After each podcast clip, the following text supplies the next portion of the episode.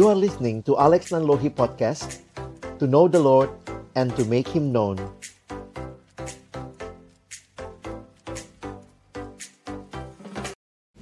Mari kita berdoa.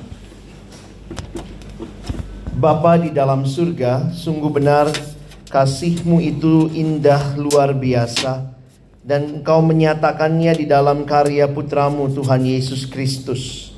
Kami kembali bersyukur hari ini bersama-sama boleh beribadah, memuji, memuliakan namamu ya Tuhan.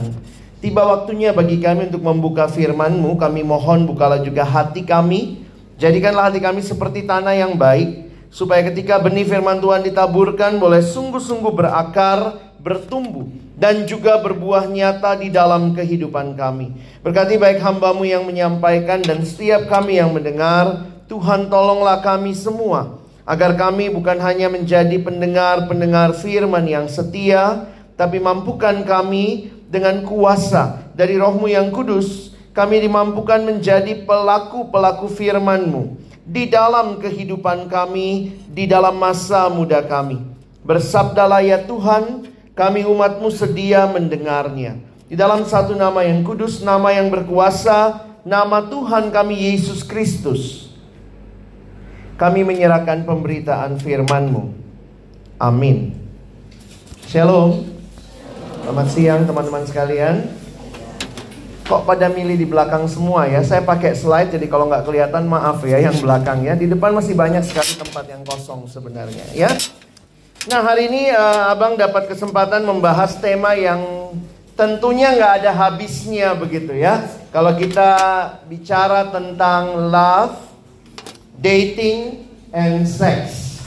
Jadi ini hal yang saya ingin bagikan kepada teman-teman.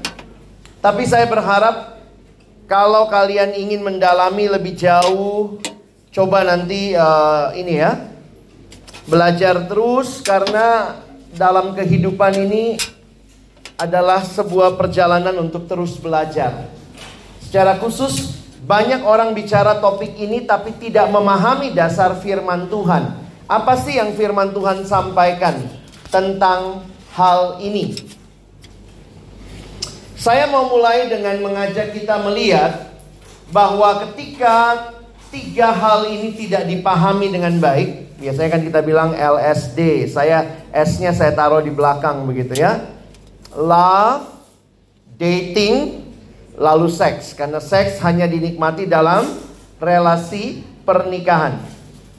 Jadi jangan love lalu seks gitu ya, baru dating, lalu pacaran. Lah ampun udah nge-seks dulu gitu ya. Jadi saya agak mengkritisi kalau orang kasih judulnya LSD. Saya mau kita belajar bahwa ini konsep yang perlu kita pahami secara Kristiani. Nah, um, kalian anak statistik sih ya. Jadi kita adakan survei dulu ya. Ini sensus penduduk. Tapi saya mintanya kita sederhana aja ya. Uh, surveinya blind survei aja. Oke. Okay? Um, kita sepakat dulu. Ini setuju. Ini setuju. Ini tidak setuju. Setuju? setuju? Tidak setuju? Oke, okay, blind survei ya. Saya harap kejujurannya untuk benar-benar buta. Ya buta sementara. Oke, okay? sekarang semua tutup mata. Please yang nggak tutup mata nanti dicolok sekarang tutup mata semua, tangannya di kepal saja. Tangannya semua setuju dulu, angkat agak tinggi. Saya harap kita serius ya. Kita saya coba tanya pertanyaan tertentu. Kalian silakan jawab setuju nggak setuju. Oke, sekarang buta. ya. Um, pertanyaan saya, pacaran ini masih banyak yang nggak tutup mata nih. Sorry ya, saya nggak mulai deh. Boleh kerja sama sebentar, tidak usah kita tahu jawaban orang. Saya cuma pingin tahu jawabanmu, ya. Bisa tutup mata sebentar ya. Oke. Pacaran tidak harus sama yang seiman.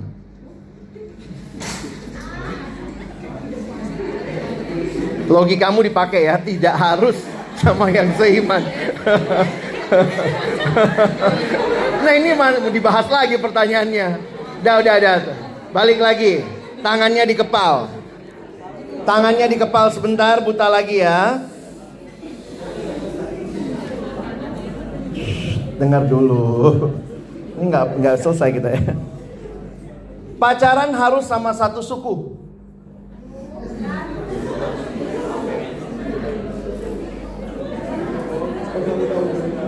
Oke, balik lagi. Yang di belakang kalian bikin sesi sendiri ya. Lagi buta kok ya. Ayo buta-buta. Tutup mata. Waktu pacaran boleh ciuman.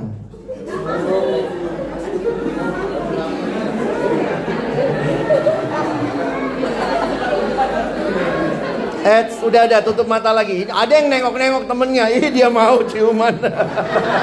Jangan gitulah, ya. Terakhir deh, terakhir deh.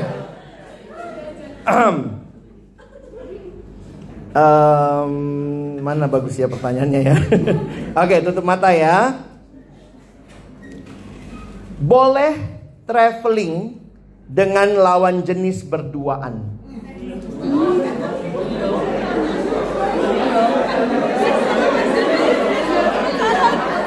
Oke, udah, udah, udah, buka mata, tangannya balik.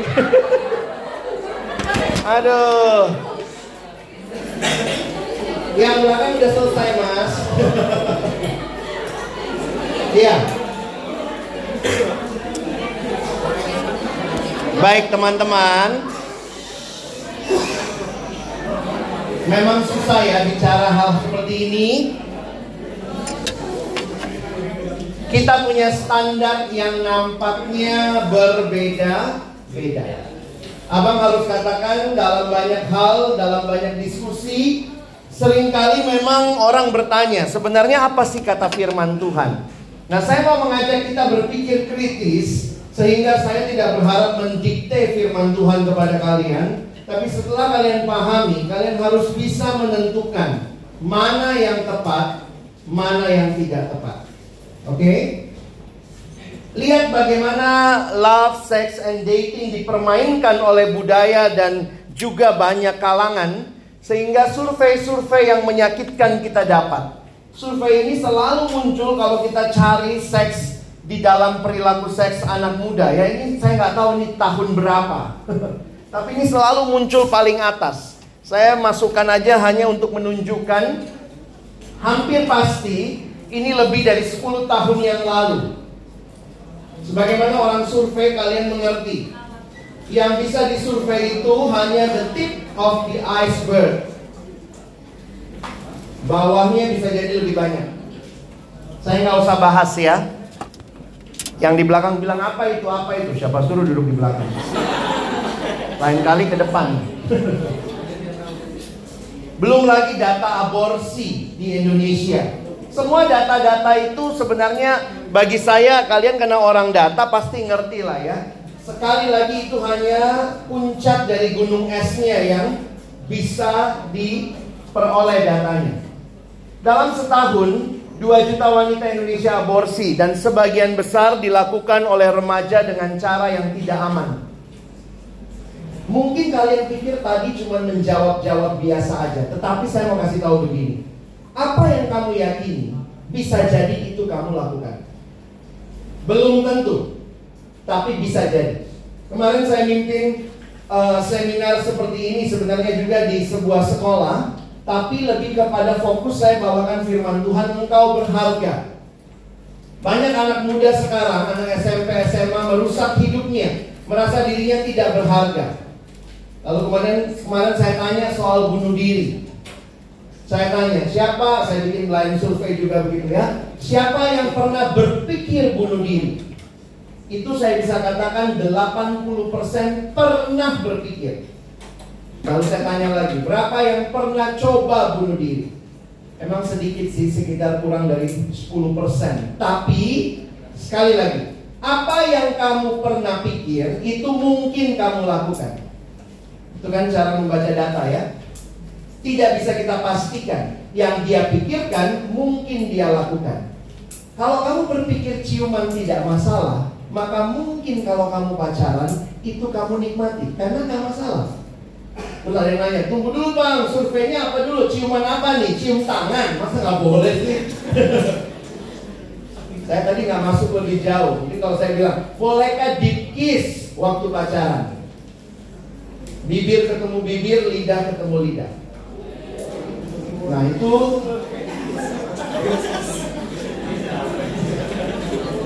Gak usah saya bahas lagi lah ya Kalian pasti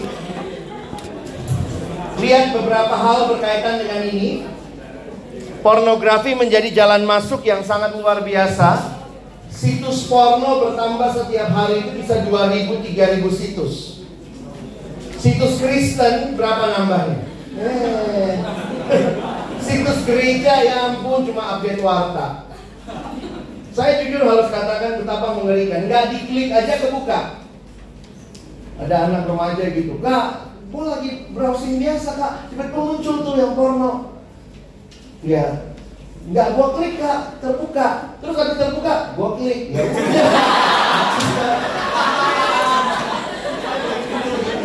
jadi lihat ya. Semakin permisif generasimu semakin permisif generasimu maka semakin sulit kita mau bicara kekudusan. Sementara Allah kita masih belum berubah. Dia Allah yang kudus. Pertanyaan kemarin yang muncul dalam satu diskusi, boleh nggak suami istri nonton pornografi supaya belajar gaya-gaya bercinta?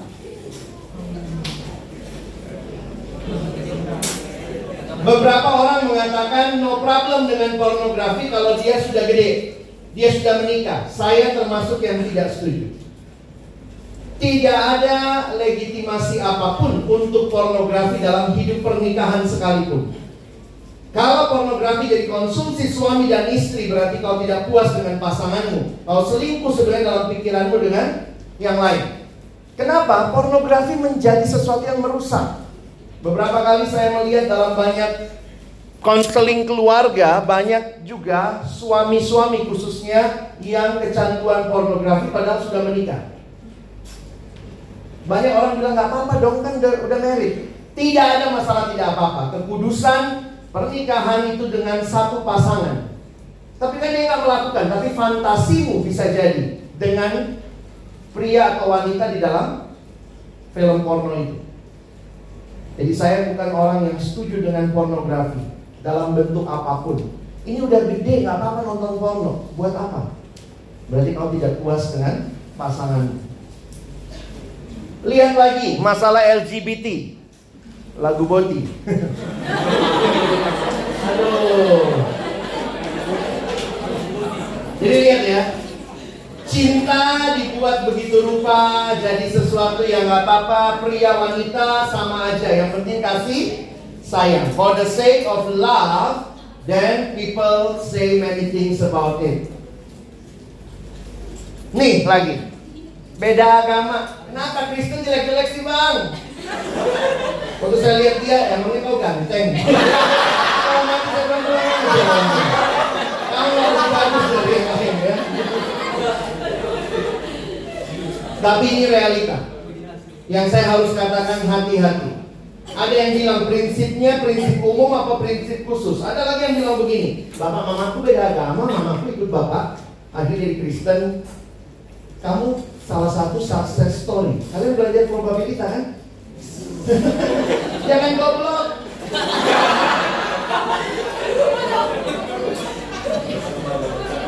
Survei baik-baik, kau akan tahu berapa banyak orang yang jual Yesus demi teman hidup. Jadi kalau ada yang nanya, bang, saya pacaran tidak seiman apa nasihat abang putus, selesai. Tapi bang nanti sakit, kalau nggak mau sakit, jangan mulai. Kalau udah mulai, harus siap sakit. Loh, teman-temanku, ini kan pilihannya cuma dua. Kalau kamu mau setia sama Tuhan, kalau kamu mau setia sama Tuhan, maka pilihannya cuma dua. Sakit sekarang atau sakit nanti. Mau pilih yang mana? Kecuali kau bilang, bang kayaknya saya nggak mau setia sama Tuhan. Silakan, itu pilihanmu. Tapi ingat, dia Tuhan yang mengasihimu. Ada kalimat yang saya renungkan waktu orang bicara ini ya. Kadang Tuhan menguji manusia dengan cinta beda agama. Hanya untuk memastikan apakah manusia lebih mencintai pencipta atau ciptaan. Tuhan kita sama, apanya yang sama? Kalau semua agama sama, sorry ya, kalau semua agama sama, suruh aja dia jadi agamamu. Begitu dia bilang, saya nggak mau. Nggak sama berarti. Benar nggak? Oh aku Buddha. Uh, ya udah menjadi Kristen aja kan semua agama sama. Enggak lah, enggak lah. Beda-beda dong. Banyak orang sok-sok semua agama sama. Kalau semua agama sama, ajak temanmu ikut agama kita. Kan sama. Kenapa mesti kawin ikut agama dia? Itu berarti agama tidak sama. Iman jangan dipermainkan. Oke? Okay? Jadi memang kata love ini jadi bombastis apalagi di hari ini ya. jadi kayaknya I love you, I love you, we love lavan. I want to Ya, saya mau kalian belajar tentang love ya. Karena kata I love you gitu ya. Love kadang-kadang dikaitkan cinta, kasih. Ada yang juga tanya, "Bang, apa bedanya cinta sama uh, mengasihi sama mencintai?" Aduh, terlalu banyak perbedaan yang dibuat-buat yang bagi saya sebenarnya sama aja. Bagaimana memaknainya itu jauh lebih penting. Kadang-kadang terminologi memang tipis-tipis bedanya, ya. Nah, ini realita-realita yang kita harus lihat bahwa semua bahasa punya terminologi kasih.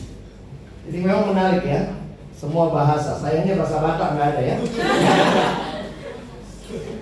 ada yang tahu ini apa? Metal. ini bukan ini American Sign Language untuk orang yang bisu tuli. I love you. Jadi kalau begini artinya I love you. Nah, bilang sama temenmu. Jadi orang bisu tuli pun punya bahasanya ya. Jadi nggak nggak usah dicoba terus juga. Begitu pulang persekutuan semua begini.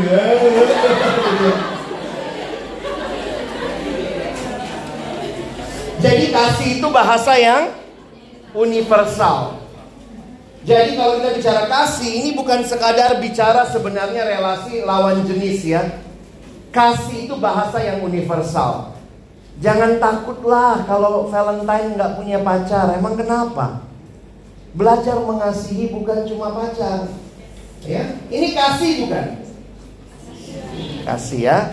Ini yang ini Lutuna, Lutuna ya. Siapa tahu kau punya anjing di rumah lo ya, hari ini kasih dia gitu ya. Di kosan nggak punya, karena nggak bisa pelihara gitu ya. Ini cinta juga, cinta kepada bangsa, ya itu juga cinta, love. Bicara juga persahabatan. Jadi memang semua gitu ya, sampai ada hari kasih sayang. Sampai berdua ini pun gak mau kalah ya.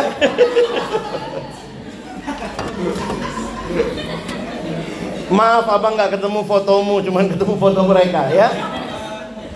Nah teman-teman saya mau masuk ke bagian firman Tuhan.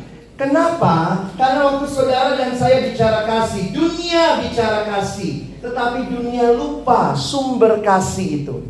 Di dalam 1 Yohanes 4 ayat 9 dan 10 Coba kalian lihat ayatnya abang tulis di depan supaya kita bisa langsung membaca ya. Mari baca ayat 9 dan ayat yang ke-10. 1 Yohanes 4. 1 2 ya.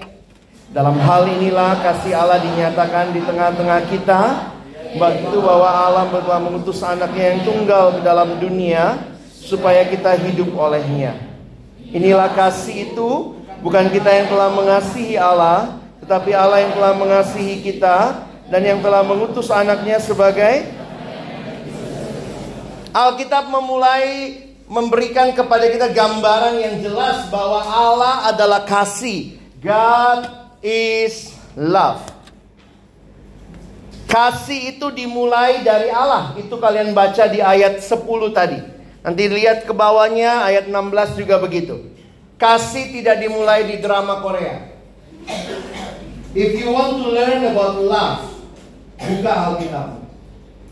Mau memaknai hari kasih sayang, lebih rajin kau baca Alkitab. Lebih kenal Tuhan, kau lebih mengerti kasih itu.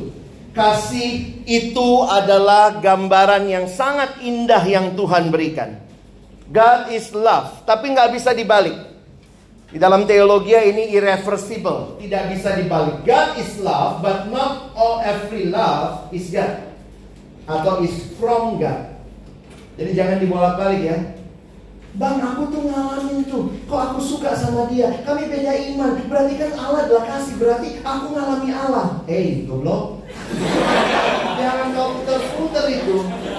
Eh, sorry ya. Saya kadang-kadang kalau orang lagi lagi dibuai cinta, kadang-kadang pikiran nggak jalan.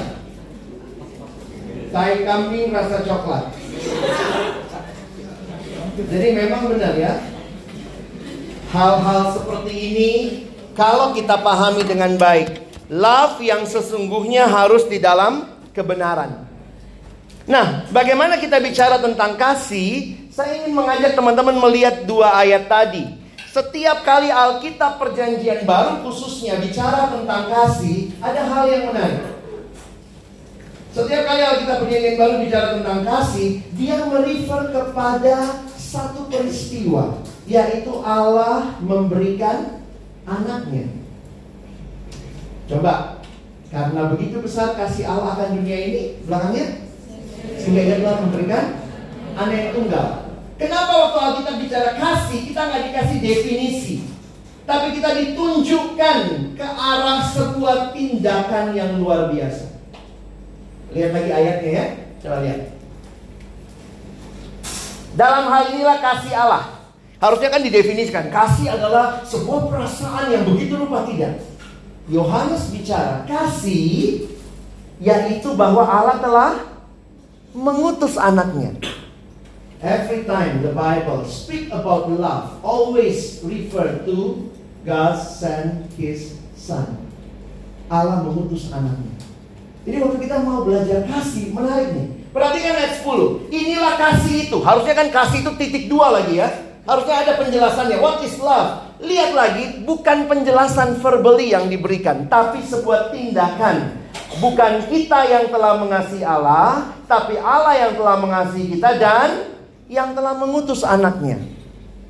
Makanya hari ini status saya di Instagram IG story Love is a verb Kasih itu tindakan Bukan konsep, bukan noun Love is a verb Kasih itu sebuah tindakan Dan referensinya kepada tindakannya Allah Nah jadi menarik nih ya Kalau begitu saya tuliskan begini. Bukti kasih Allah. Allah tidak berjuang mendefinisikan kasih. Tapi Allah telah membuktikan kasih. Dan dia membuktikan kasihnya dengan memberikan anaknya Yesus Kristus bagi kita. Perhatikan gambar ini. Ini gambar siluet hidup Yesus dari lahir sampai bangkit dan kasih itu dinyatakan kepada kita. Tapi di mana Yesus bilang sudah selesai? Di mana Yesus bilang sudah selesai? Di kayu salib. Makanya sering kali kita nyanyi lagu itu ya Karya terbesar dalam hidupku Pengorbananmu yang selamatkanku Waktu bicara kasih Allah Maka kita lihat puncak kasihnya di mana? Di kayu salib Perhatikan apa arti salib saya kutip seorang bernama Billy Graham. Pendeta Billy Graham mengatakan kalimat ini. Kita baca sama-sama. Allah membuktikan kasihnya pada kayu salib. Ketika Kristus digantung berdarah dan mati. Itulah saatnya Allah berkata kepada dunia. I love you. You want to know about love? Lihat salib. Seorang bernama John Stott memberikan kutipan yang menarik ini permainan katanya hanya mungkin dalam bahasa Inggris ya. If we are looking for a definition of love, we should look not in a dictionary, but at Calvary. Ini bisa jadi like this ya. Waktu saya renungkan iya ya. Tuhan tidak sedang berusaha mendefinisikan kasih, tapi Dia menggambarkan kasih dengan tindakan yang nyata. Karena kalau anak sekarang dia bilang, ayo bang foto apa pakai apa sarang-sarang gitu ya, sarangnya, sarangnya, sarang semut, sarang tawon gitu ya. Banyak orang yang berpikir ini love. This is not love. This is not love. But for us, this is love. Apa yang terjadi di Kalvari? Di sana Allah menyerahkan anaknya yang tunggal. Ada dua, kala, uh, dua kalimat yang disebutkan. Perhatikan ayat 9. Dia mengutus anaknya supaya kita hidup olehnya. Perhatikan ayat 10. Inilah kasih itu bukan kita yang telah mengasihi Allah tapi Allah yang telah mengasihi kita dan mengutus anaknya sebagai pendamaian bagi dosa-dosa kita. Jadi waktu kita lihat kasih di Kalvari, saya makin menyadari ini bukan kasih yang egois. Ini kasih yang benar-benar mem memberi. Kenapa dunia terbalik menyalahgunakan kasih? Karena dunia berpikir kasih itu selalu tentang saya mau apa, saya dapat apa. Tapi waktu engkau mengerti kasih sejati, kasih sejati justru memikirkan yang kita kasih, apa yang kita berikan bagi dia. Kalau betul kau mengasihi pasanganmu, kau jaga dia kudus sampai altar pernikahan. That is love. What you give for him or for her. Bukannya gini, kau mengasihiku, ayo buktikan, cium dulu, cium dulu. Itu perampok. Itu nggak benar itu. That is not love. That is lust. Nafsu. Jadi saya jujur aja ya, makin belajar love, saya makin lihat kok kebalik nilai kita. Makanya ada yang bilang sebenarnya bahasa Indonesia ini paling gampang menjelaskan love. Bahasa Indonesia itu paling gampang menjelaskan kasih. Apa itu kasih? Kasih ya kasih. Love is giving. Love is not taking. If love is taking, taking that is not love, that is rampoking, you know? When you talk about love, it's about giving. Memberi. Sayangnya, bayangkan kalau dating tanpa konsep love ini grepe-grepe jadi bagian. grepe-grepe. Yang penting saya puas. Saya dapat apa? Saya puasnya apa? Makanya kalau kau tidak mengerti love dari Allah, kau belum alami kasihnya Tuhan. Waktu kau pacaran, kau mungkin akan merusak orang lain. Lihat kalimat ini. Kasih dunia hanya dikaitkan dengan perasaan, perasaan, perasaan. Egois sekali. Kasih Allah tidak demikian.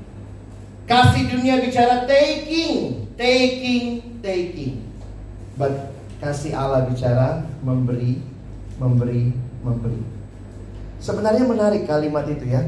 Allah memberikan anaknya yang tunggal. Teman-teman, anak yang tunggal itu the one and only son. Ibu Teresa pernah kasih ilustrasi begini. Kalau kau punya 10 sepatu, 10 pasang sepatu, lalu kemudian kamu mau ngasih satu pasang, biasanya yang kita kasih yang mana? Yang udah eh, jelek-jelek gitu ya, yang udah mulai kecil, sempit atau kita nggak suka gitu ya. Makanya kalau kau punya 10 pasang sepatu, kau kasih satu pasang, Ibu Teresa nanya, kalau itu yang kau lakukan, itu ngasih atau buang? Tipis bedanya Tapi dia bilang begini, menghayati kasih, kalau kau cuma punya satu pasang sepatu, cuma itu satu pasang sepatu yang kau punya, tapi kau sadar bahwa orang ini lebih butuh sepatu itu, maka dengan berat hati sakit kau kasih sama dia. Sehingga dia mengatakan, hanya orang yang memberi dengan tulus dia sebenarnya mengerti apa artinya sakitnya memberi. Banyak orang tidak siap memberi. Karena sebenarnya kita selalu lebih bersifat perampok. Saya dapat apa? Allah mengaruniakan anaknya yang tunggal. The one and only. Supaya kita selamat, supaya kita didamaikan. Jadi waktu saya melihat arahnya kasih itu bukan begini. Tapi begitu, keluar gitu ya. Nah, abang makin sadar waktu mau menikah. Waktu saya mau menikah, pas persiapan dengan pendeta. Saya ingat sekali pendeta saya bilang, Alex kau siap menikah? Dalam hati saya, Pak, udah minggu depan Pak. Siaplah. Terus dia tanya sama saya, Alex kau mengasihi calonmu? Nah, mengasihi calonmu namanya Kak Debi ya. Mengasihi Debi? Iya Pak. Terus dia, pendeta saya bilang, baca kau 1 Korintus 13. Saya baca lah ya. Kasih itu sabar, kasih itu murah hati, kasih itu tidak sombong, tidak cemburu, menutupi segala sesuatu. Jadi saya udah selesai baca. Dia bilang, betul kau mau mengasihi Debbie?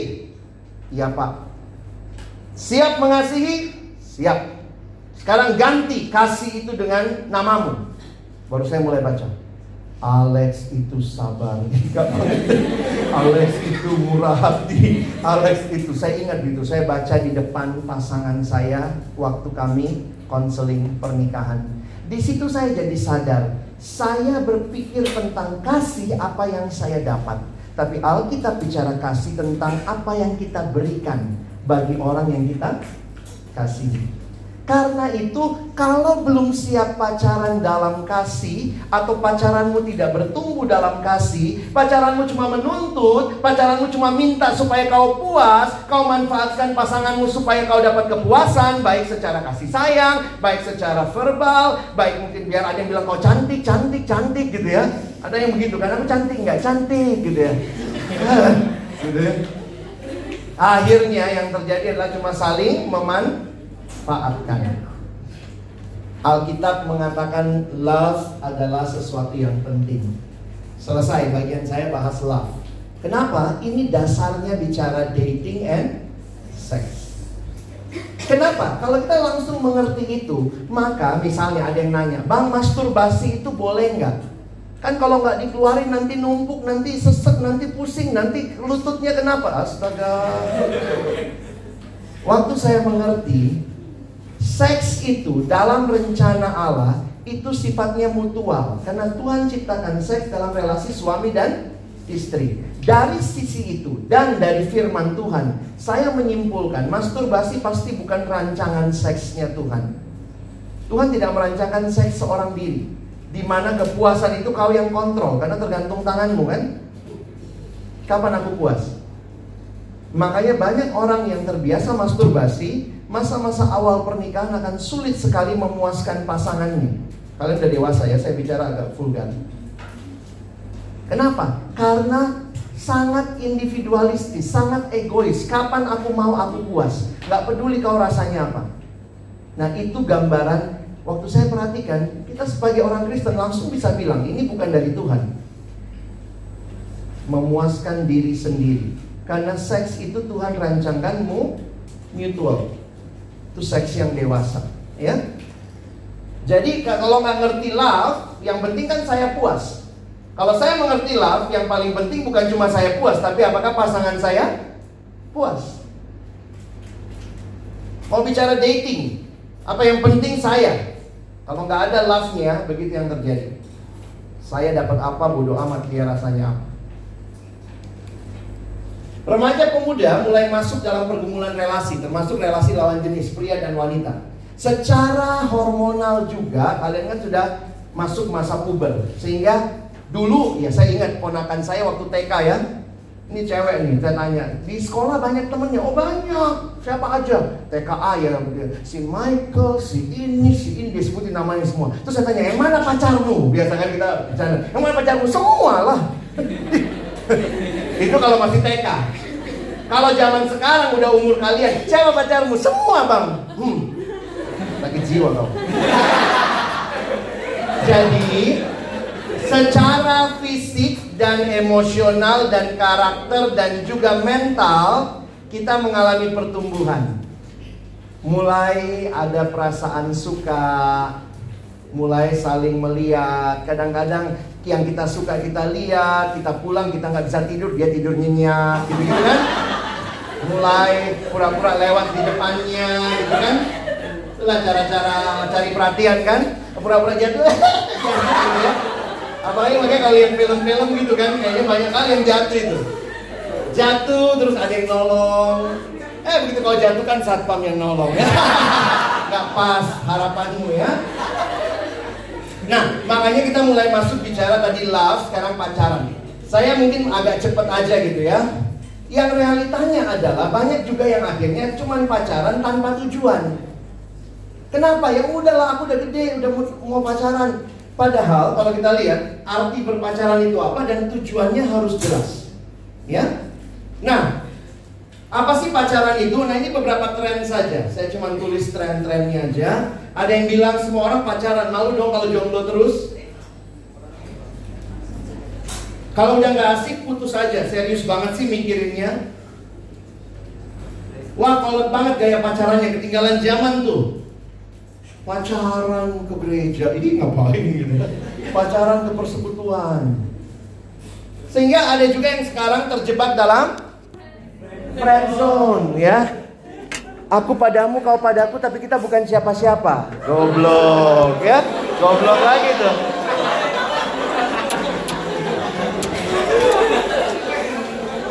Ya, memang nggak bisa abang bahas semua lah ya. Kalau kalian mau lihat, uh, saya sama istri bikin IG story. Kalian lihat di IG story kami ada love series.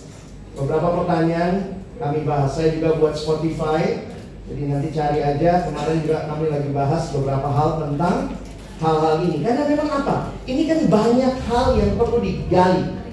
Bukan sekadar kita bilang boleh nggak boleh ya. Jadi saya juga bukan orang yang langsung ini boleh ini nggak boleh. Saya biasanya ngajak diskusi dulu. Kenapa kamu anggap boleh? Jadi jangan-jangan memang konsep kasihnya yang salah. Jomblo tuh nggak laku nggak gaul gitu ya. Kayak itu orang jomblo di dunia mati aja lu gitu. Sedih banget ya nah mengapa demikian Ya itu faktornya media massa salah satunya. Kalian dibangun dengan budaya yang romantismenya sangat luar biasa. Nih Dilan berapa lagi nih? Main lagi gitu ya. Jadi gimana ya? Ah siapa itu? Gak tahu saya. Ini Korea Korea kata istri saya. Saya, saya kan nanya sama istri saya. Istri saya doyan drama Korea saya bilang sama dia, tapi hati-hati ya, drama ini kadang-kadang banyak orang susah membedakan mana realita, mana drama. Dia yang putus di drama, kau yang muring-muringan sepanjang hari di kampus. Kan? Apa hubungannya kau sama dia? Dia nggak kenal kau juga gitu ya. Itu yang terjadi biasanya. Jadi hati-hati. Nah, memang kita dibombardir dengan budaya kayaknya harus pacaran, harus pacaran. Saya dulu karena saya melayani siswa, saya kumpulkan nah ini kayak memnya siswa dulu ya. Ondel-ondel aja punya pasangan. Tahu aja ada isinya. Hati kamu masih kosong. Terus aja punya gandengan. Kok situ enggak? Nah, ini nohok banget. Wisuda cuma didampingi orang tua. Itu wisuda atau ambil rapor?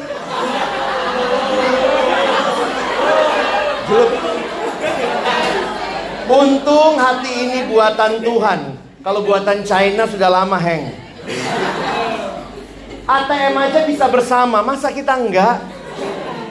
Hidup itu cuma sebentar, ngejomblonya yang kelamaan.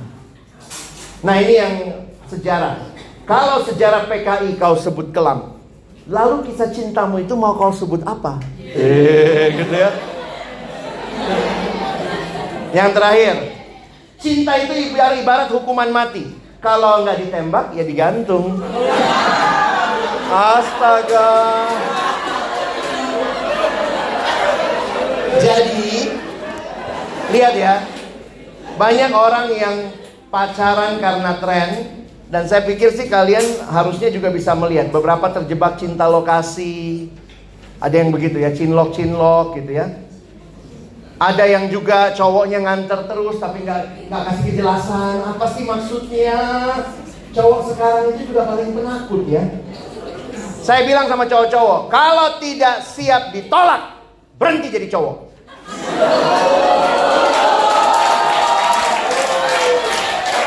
Udah udah nasib kita itu, ya.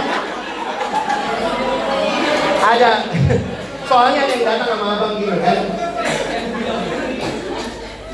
Jangan cuma tepuk tangan, buktikan, nembak kalau berani. Deket-deketin gak jelas apaan. Jadi ada cewek datang kan, ada pengurus persekutuan. Bang, nggak tahu dia dia dia jemput aku tiap hari kadang juga kami kontak-kontakan dia tanya udah makan atau belum gitu ya jadi cewek itu bilang bang dia maunya apa sih saya bilang kenapa tanya sama saya tanya sama dia lah gitu ya nah kenapa ada cowok-cowok yang mendekati terus mendekati tapi nggak jelas mau dibawa ke mana hubungan kita saya bilang sama ceweknya tanya ih nggak sopan lah masa cewek yang tanya duluan kau mau galau terus tapi kemudian dia bilang gini, tapi kan nggak etis bang kalau kita nanya. Saya bilang paling nggak nanya lah, perlu dibayar nggak? Siapa tahu dia gojek. jemput tiap hari, jemput, jemput, jemput, gitu ya. Memang sulit. Kadang-kadang kita punya asumsi. Saya belajar komunikasi. Saya studi dulu ilmu komunikasi di UI. Kalau kita cuma berasumsi, kita nggak pernah jelas. Makanya sering kali dalam relasi seperti ini berasumsi. Kayaknya dia suka lo sama aku. Kenapa? Kemarin dia lewat kosku dua kali. Maaf yang cewek-cewek ya. Yang cewek-cewek itu sering sekali berasumsi kalau suka sama orang. Padahal memang posisi lemahnya cewek kan kayaknya dalam budaya kita nggak boleh bertanya duluan, nggak biasa bertanya duluan. Tapi kalau buat saya udah jelas tanda-tandanya, kau bingung tanya. Karena kalau nggak tambah nggak jelas kan. Abang kenapa perhatiin aku terus gitu? Kalau dia bilang ah semua cewek juga aku gituin, udah tahu, udah tahu tahu, tahu kualitasnya. Ya? Kalau memang TP tebar pesona, biasanya orang yang TP itu nggak akan menuai apa-apa, karena semua akan bilang oh iya dia sama ini baik, sama ini baik, sama sama satpam juga baik. Ya. Tapi harus hati-hati. Nah, karena itu dalam pacaran itu ada yang nanya, definisinya yang mana nih? Pacaran punya teman dekat yang tetap, tapi sama dengan TTM-an, HTS-an. Pacaran itu relasi khusus dengan doi yang mengasihi dan dikasihi, tidak perlu mikir jauh sampai pernikahan.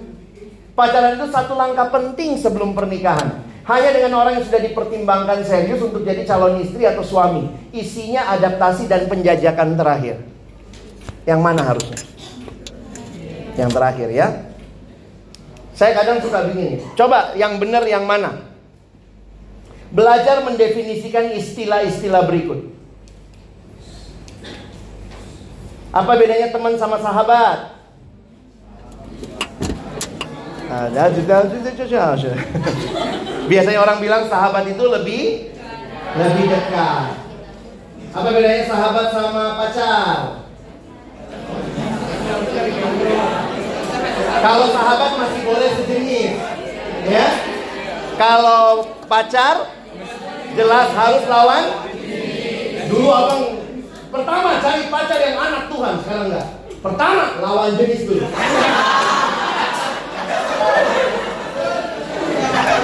Karena banyak juga yang mempermainkan. Aku dia anak Tuhan loh bang. Aku suka sama dia. Ya nggak bisa lah. Kau Eko dia Koko. Gak mungkin ya.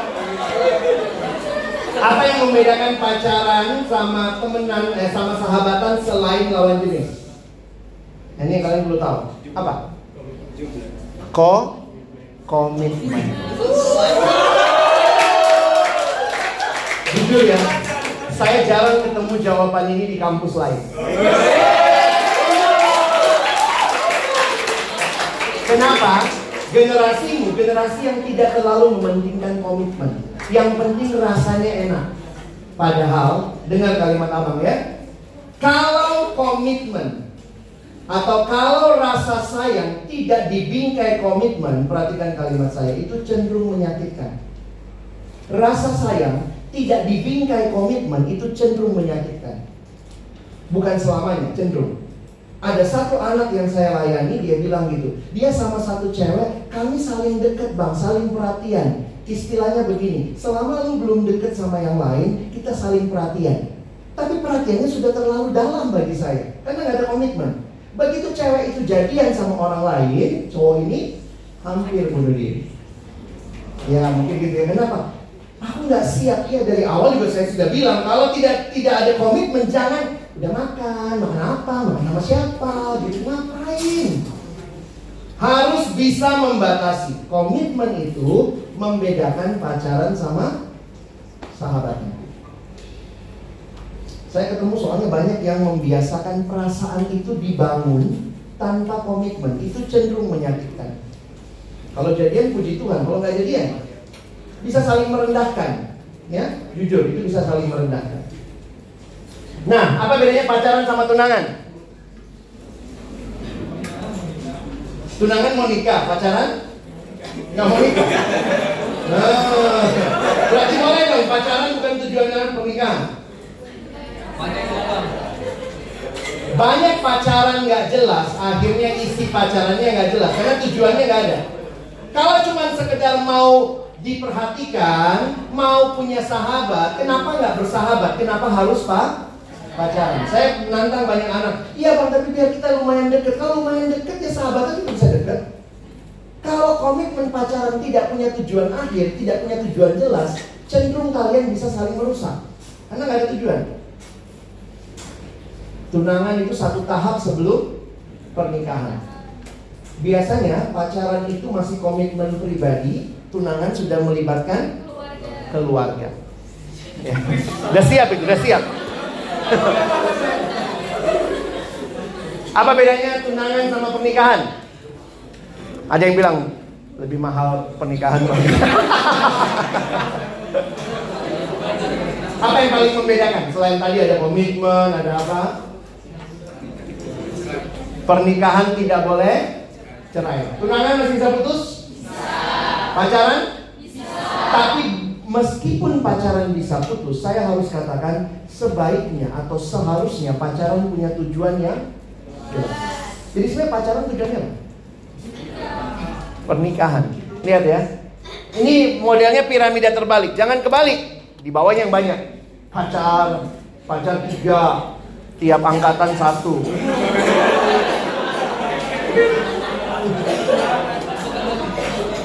Jadi saya cepet aja ya. Nah ini kalimat ini penting. Mulailah dari akhir. Always start from the end of mind. Itu salah satu caranya punya goal dalam hidup. Apa sih tujuannya saya pacaran?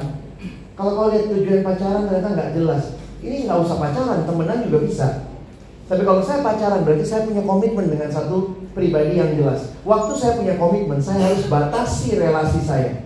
Ada orang pacaran tapi kemudian dia masih bangun relasi dengan semua orang secara dalam dan dekat. Saya pikir nggak boleh. Harus punya komitmen yang jelas. Nah, Alkitab tidak bicara pacaran. Tuh, Alkitab nggak bicara pacaran. Karena itu saudara-saudara kita dari seberang, mereka juga menolak pacaran. Mereka pakai istilah ta'aruf. Sebenarnya di dalam Alkitab ada perjodohan. Bagaimana Abraham cari istri buat anaknya? Model ta'aruf. Kenali bebek bobotnya, makanya dia suruh cari dari kaum keluarganya. Nah, ada yang nanya, kalau begitu, mana pola Alkitabiah? Kalau mau pola Alkitabiah, perjodohan tuh. Dijodohin. Ya elah, masa kayak masih zaman Siti Nurbaya? Ya, sehingga ada yang bilang enggak perjodohan dilarang atau kita tentang. Tapi sebenarnya bagi saya begini. Masih ingat Yusuf sama Maria? Mbak orang tua Yesus mereka bertunangan. Tapi menarik ya, waktu dia bertunangan satu tahun itu masa mereka tidak boleh bersetubuh. Ada kalimat itu? Jadi memang begini, dulu mereka dijodohkan, tetapi dalam tradisi Yahudi sendiri pun habis dijodohkan itu sudah dianggap seperti menikah atau dipakai istilah pertunangan, tetapi orang itu masih pulang ke rumah masing-masing. Dan dalam satu tahun itu mereka harus jaga diri untuk tidak berhubungan seks di luar pernikahan yang sah. Nah, dari situ saya melihat kita itu sebenarnya sama prinsipnya. Pacaran itu untuk persiapan pernikahan. Kalau mereka dulu ditunangkan dulu kayak secara ini dikawinkan dulu baru pacarannya, pengenalannya. Kalau kita kan dibalik. Kenal dulu yang namanya pacaran baru pernikahannya. Walaupun masa pernikahan pun itu masa pengenalan seumur hidup. Jadi kalau orang nanya, kenapa Alkitab bilangnya perjodohan? Sekarang orang Kristen pakainya pacaran. Saya harus tegaskan, ini bicara yang sama tentang masa saling mengenal. Ya. Karena Alkitab bicara pernikahan, lihat kalimatnya ya. Alkitab tidak membahas pacaran, tetapi pertunangan dan pernikahan. Lalu bagaimana sikap kita orang Kristen? Kalau begitu, engkau dan saya harus menempatkan pacaran dalam tujuan perni pernikahan. Pacaran Kristen harusnya punya tujuan pernikahan. Pacaran Kristen harus melandasi sifat pernikahan. Karena pernikahannya kudus, pacarannya pun kudus. Jadi jujur aja kadang-kadang saudara sepupu kita ini kan protes Kristen itu pacaran itulah bikin jatuh dalam dosa Cium-ciuman lah, pegang-pegangan lah Having sex lah Mereka merasa diri lebih kudus Tapi kalau saya pikir Kalau kau pacaran secara Kristiani yang baik Kau ngerti tujuannya pernikahan Maka kau pasti akan jaga kekudusan Dan jangan buru-buru Terima siapa saja yang ngajak pacaran Diuji dong Didoakan bersama Ya, jadi ini bukan permainan. Tujuan berpacaran yang bukan dulu. Yang bukan tujuan pacaran bukan untuk sarana pemuasan hawa nafsu. Bukan sekadar pemberi motivasi belajar atau bekerja. Ada yang begini nih. Saya layani anak SMP. Oh masih culun-culun waktu itu saya pimpin retret SMP di Bandung. Retret SMP itu lucu ya, SMP kelas 1. Ceweknya sudah mulai puber, cowoknya masih kecil-kecil lari-lari gitu yang nabrak-nabrak apa yang banget terus malam-malam eh, apa siang eh, habis sarapan gitu eh, ada anak yang nanya gini, Kales kamarnya di mana? Saya dulu sama cowok-cowok kecil-kecil yang kelas 1 SMP. Saya kamar pembicara deh, gede ya kak, gede. Terus dia bilang, Kales kami mau main dong ke kamar Kales waktu istirahat siang. Oh, ngapain deh? Kami mau smackdown. ya saya oke okay lah ya. Jadi bener loh. Habis makan siang jam 2 kamar saya diketuk. Datanglah tiga anak. Cowok-cowok gitu ya. Lalu kan lihat ada kasur kosong satu. Ada ayo kita smackdown. Mereka smackdown berdua. Terus ada satu anak yang ngobrol sama saya. Saya ingat banget pertanyaannya. Dia tanya gini. Kak Alex. Menurut kakak boleh nggak kita pacaran? Saya lihat dari atas sampai bawah. Celananya aja masih separuh gitu ya ya celana lu masih separuh begitu gitu ya. Tapi sebagai pembimbing remaja yang baik, saya nggak langsung jawab. Saya tanya, apa tujuannya pacaran? Terus tiba-tiba dia ngomong, kalau kita pacaran kan enggak, itu kan menambah semangat belajar.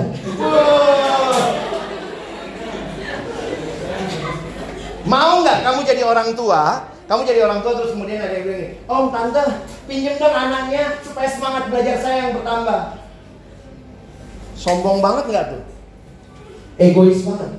Om tante supaya semangat belajar saya bertambah. Jadi saya bilang sama adik itu, dek, kalau sekedar menambah semangat belajar, jawabannya bukan pacaran, beli cewek profit, biar vitamin, ya biar pinter kau.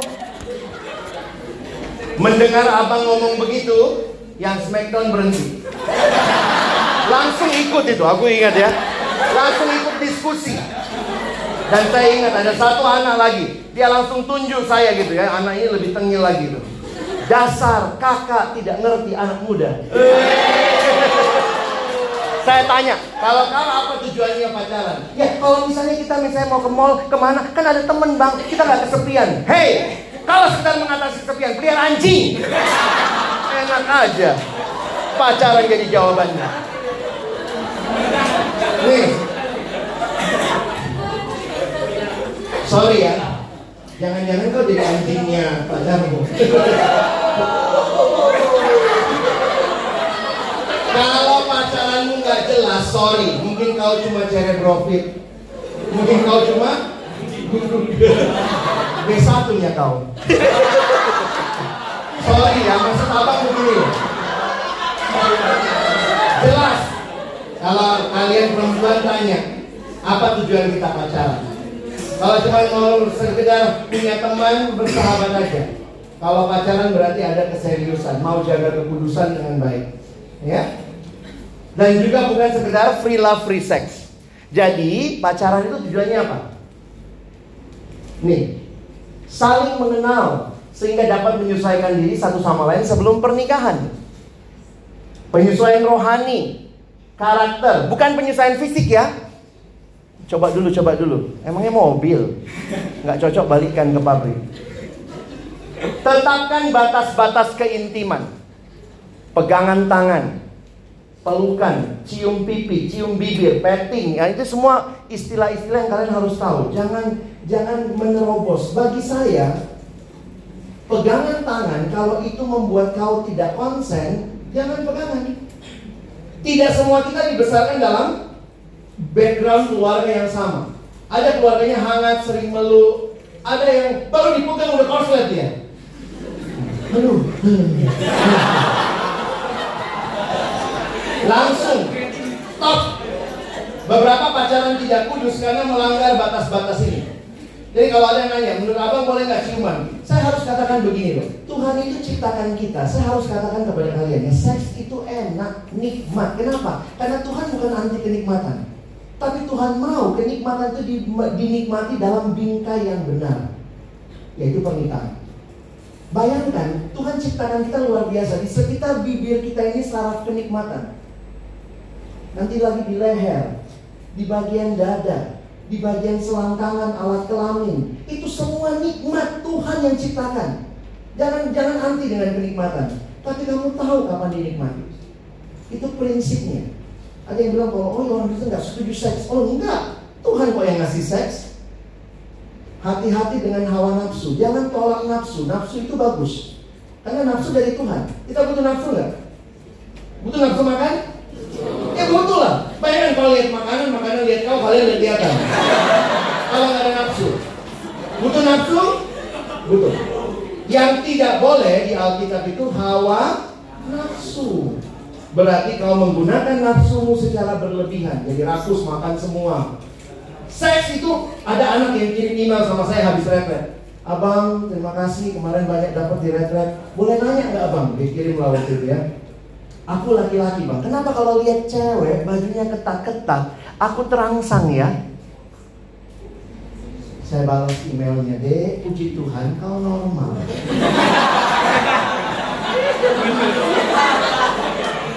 kalau sorry ya, kalau kau tidak terangsang, ayo saya temani ke dokter. Tapi abang balas emailnya lanjutannya begini. Pertanyaan saya adalah setelah kau terangsang apa yang kau lakukan? Nah itu yang mungkin bikin kau jatuh dalam dosa. Kalau habis kau terangsang, kau nikmatin, kau pelototin, kau renungkan, kau saat teduhi, jatuh kau. Ya, turun dalam, gitu ya. jatuh. Ya, saya bilang sama dia, waktu kau sudah lihat itu, apakah kau alihkan pikiranmu? Jangan sampai terus dibayangkan, dipikirkan, masturbasi, nikmati, kau pikir selesai. Jadi memang kita bersyukur loh nafsu. Kadang-kadang orang Kristen kayaknya nggak boleh ada nafsu. Ih, kalau nggak boleh ada nafsu, ingat loh Tuhan yang ciptakan itu. Makanya saya ingat Opung Martin Luther bilang gini. Ya? Kalian mata-mata kan yang gerejanya dari ini ya, HKDP. ya. Itu Opung Martin Luther bilang begini loh, kalimatnya menarik. Saudara tidak bisa larang burung terbang di atas kepalamu. Kau nggak bisa larang burung terbang di atas kepalamu. Kau nggak bisa atur kan perempuan itu pakai baju apa? Pakai yang perempuan pakai baju yang pantas saya uh, tolongilah kami ya. Tapi itu pun kita nggak bisa atur. Ma, bajumu, bajumu, baju nggak bisa. Makanya Martin Luther bilang, kau nggak bisa larang burung terbang di atas kepalamu. Yang bisa kau lakukan, larang dia jangan bikin sarang di kepalamu. Betul ya? Nggak, jangan sing. Kalau saya terangsang, puji Tuhan saya masih normal, tapi saya tidak membiarkan rangsangan ini membawa saya ke hubungan yang belum saatnya. Jadi teman-temanku, saya tutup dengan beberapa aplikasi ini ya. Kapan sih mulai pacaran? Yang belum pacaran santai aja lah. Maksudnya gini juga ya, jangan sampai kayak kegilaan gitu. Mesti pacaran, mesti pacaran. Hari ini aplikasi mesti pacaran gitu ya. Mana mana kau mau?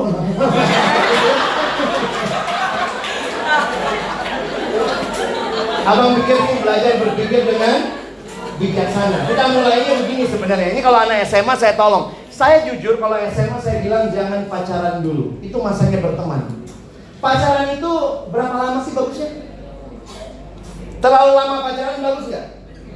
Ya aku udah pacaran bang 10 tahun. Ada cewek datang sama saya gitu, saya udah 10 tahun bang. Saya bilang, terus kenapa lama banget? Iya bang, itu pertanyaanku sama pacarku. Kapan aku dikawinin?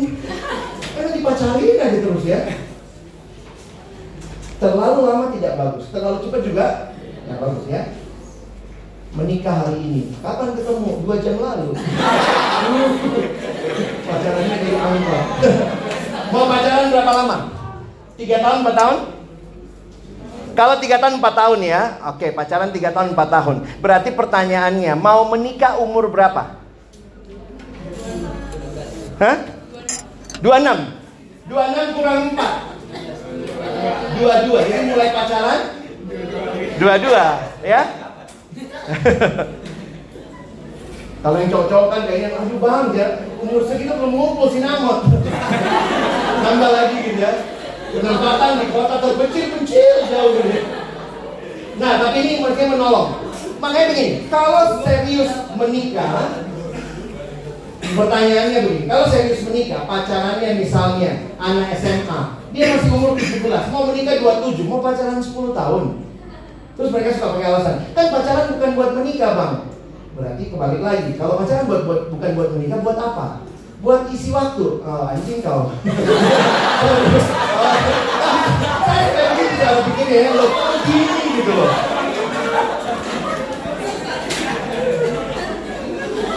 Tapi yang penting ini ya. Nah, pertanyaan utamanya sudah siapkah saya jadi penolong? Prinsipnya ini. Terapkan cintanya, love-nya Tuhan dalam pacaran. Dua ayat terakhir yang menolong kita. Jangan merupakan pasangan yang tidak seimbang dengan orang-orang yang tidak percaya. 2 Korintus 6 ayat 14 Kalau kalian masih bergumul Aduh saya sayang banget sama dia tapi kita beda iman. Biar saya bawa dia kepada Tuhan. Bagus kalau kau yang bawa dia. Kalau kau yang dibawa dia Kalau kamu tarik-tarikan Satu di atas meja, satu di bawah Tarik-tarikan Yang mana yang bakal jatuh? yang di atas. Saya suka mikir orang Kristen itu yang di atas. Kita tarik-tarikan bukannya dia yang naik, kita yang turun. Jangan main-main lah. Tapi saya mau jadi Kristen. Kalau gitu putuskan dulu, layani Injili, udah Kristen pacari lagi. Selesai. Tapi jangan main-main, jangan mencobai Tuhan. Kita kadang-kadang nggak serius sama Tuhan. Ya, yang terakhir kita baca sama-sama yang kebaca satu dua ya. Jika engkau makan atau jika engkau minum atau jika engkau melakukan sesuatu yang lain, lakukanlah untuk kemuliaan makan aja untuk kemuliaan Allah. Saya mikir-mikir, gimana makan buat kemuliaan Allah ya? Minum untuk kemuliaan Allah. Kalau kau tempatkan pacaran di sini, maka pacaranmu harusnya memuliakan Allah. Abang tidak sempat masuk ke bagian seksnya, tapi kalian sudah ngerti lah ya. Hubungan seks hanya dinikmati dalam relasi suami dan istri. Kesempatan ini kiranya jadi kalian makin serius. Yang belum pacaran serius berpikir pacaran tujuannya apa. Yang sudah pacaran pun mikir lagi. Baharui kalau kamu ternyata langgar-langgar batas selama ini, saling merangsang tanpa sadar. Nonton bioskop, pegang-pegang tangan anak orang, remes-remes. Kau pikir cucian? Saya makanya sama istri waktu pacaran kami membatasi tidak nonton. Saya juga berapa kali bilang sama istri saya ya, saya bilang, saya walaupun hamba Tuhan ya, saya juga punya nafsu. Biasakan cewek gitu, abang, abang gitu. Istri saya gelendotan waktu itu masih pacaran ya. Saya lagi jalan terus saya bilang, dek lepasin. Apa sih abang? Dek lepasin. saya bilang, saya ini lemah, saya. Apa sih bang? Lepasin. Mas Muhammad nggak? ya, saya harus tahu batas saya juga. Ya, selamat menggumulkan di hari kasih sayang ini. Alami kasihnya Tuhan. Supaya kau bisa dengan baik juga mengasihi pasanganmu. Bahkan bukan hanya pasangan, tapi mengasihi orang-orang di sekitarmu. Mari kita berdoa. Tuhan, terima kasih banyak buat kesempatan kami belajar. Ada banyak hal yang sudah kami dibukakan. Sadar betul tidak mudah. Tapi sadar juga bahwa Tuhan menyertai dan Tuhan akan menguatkan kami. Tolong kami makin bertumbuh di dalam kasih kepada Tuhan. Inilah yang menjadi landasan bagi kami dalam membangun relasi kami ke depan. Bahkan sampai pernikahan, biarlah kasihmu itu yang mewarnai perjalanan hidup kami semua. Hamba bersyukur untuk waktu ini berkati adik-adikku. Jika ada hal-hal yang mereka mau komitmenkan hari ini di hadapan Tuhan, tolong mereka di hati yang terdalam boleh berkata Tuhan aku mau menyenangkanmu termasuk menghidupi pacaran kalau Tuhan izinkan aku masuk dalam relasi itu seperti ayat yang kami baca tadi bahkan dalam pacaran pun kami mau memuliakan Tuhan kami bersyukur dalam nama Yesus kami berdoa. Amin.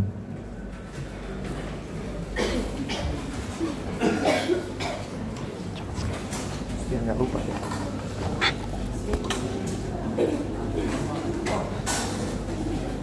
Terima kasih kepada Bapak